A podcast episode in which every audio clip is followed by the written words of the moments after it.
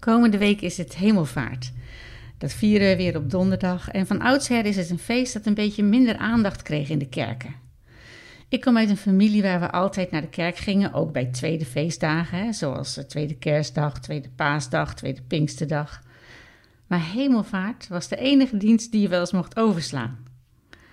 En misschien heeft het onbewust te maken met het ongrijpbare van hemelvaart. Het verhaal van Jezus op aarde komt ten einde. Jezus zegt niet voor niks: Ik zal jullie niet als wezen achterlaten. Het staat in Johannes 16. Nu ga ik weg naar Hem die mij gezonden heeft, maar niemand van jullie vraagt: Waar gaat u naartoe? Jullie zijn verdrietig omdat ik jullie dat gezegd heb. Werkelijk, het is goed voor jullie dat ik ga, want als ik niet ga, zal de pleitbezorger niet bij jullie komen. Maar als ik weg ben, zal ik hem jullie zenden.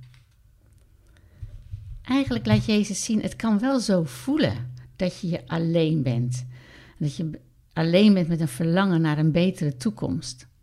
Dat het lastig te verdragen is, die spanning tussen de belofte van zijn heelheid en de brokstukken en de pijn waar we in leven.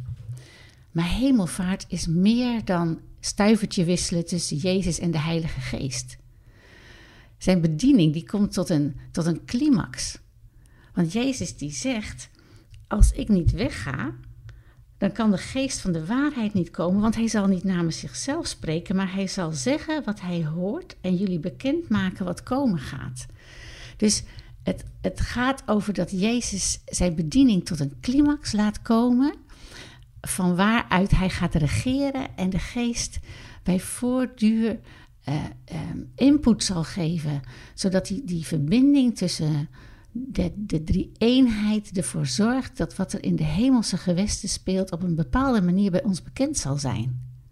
Dat is natuurlijk super spannend. Want Jezus neemt zijn autoriteit over het universum in bij de hemelvaart. In Matthäus 28 staat alle autoriteit. Dus lees alle macht, kracht en gezag in de hemel en op aarde is aan mij gegeven. Laat dat eens tot je doordringen alle autoriteit, geen mens, geen systeem, geen nucleaire macht, geen dictator, geen kloof tussen arm en rijk, geen bolwerk van corruptie en onrecht, van leugen of misleiding, heeft ook maar iets te zeggen onder de heerschappij van Jezus. Wat een vreugde en wat een genade dat we niet zijn overgeleverd aan al die ellende. Maar de naam van de Vader en de Zoon en de Heilige Geest rust op ons. En Jezus zegt: Ik zal zeker altijd bij je zijn. Zeker en altijd. We prijzen u, Heer, dat u aan ons belooft dat u zeker en altijd bij ons bent. Tot aan het einde van de dagen, als u terugkomt. Daar zien we naar uit. Amen.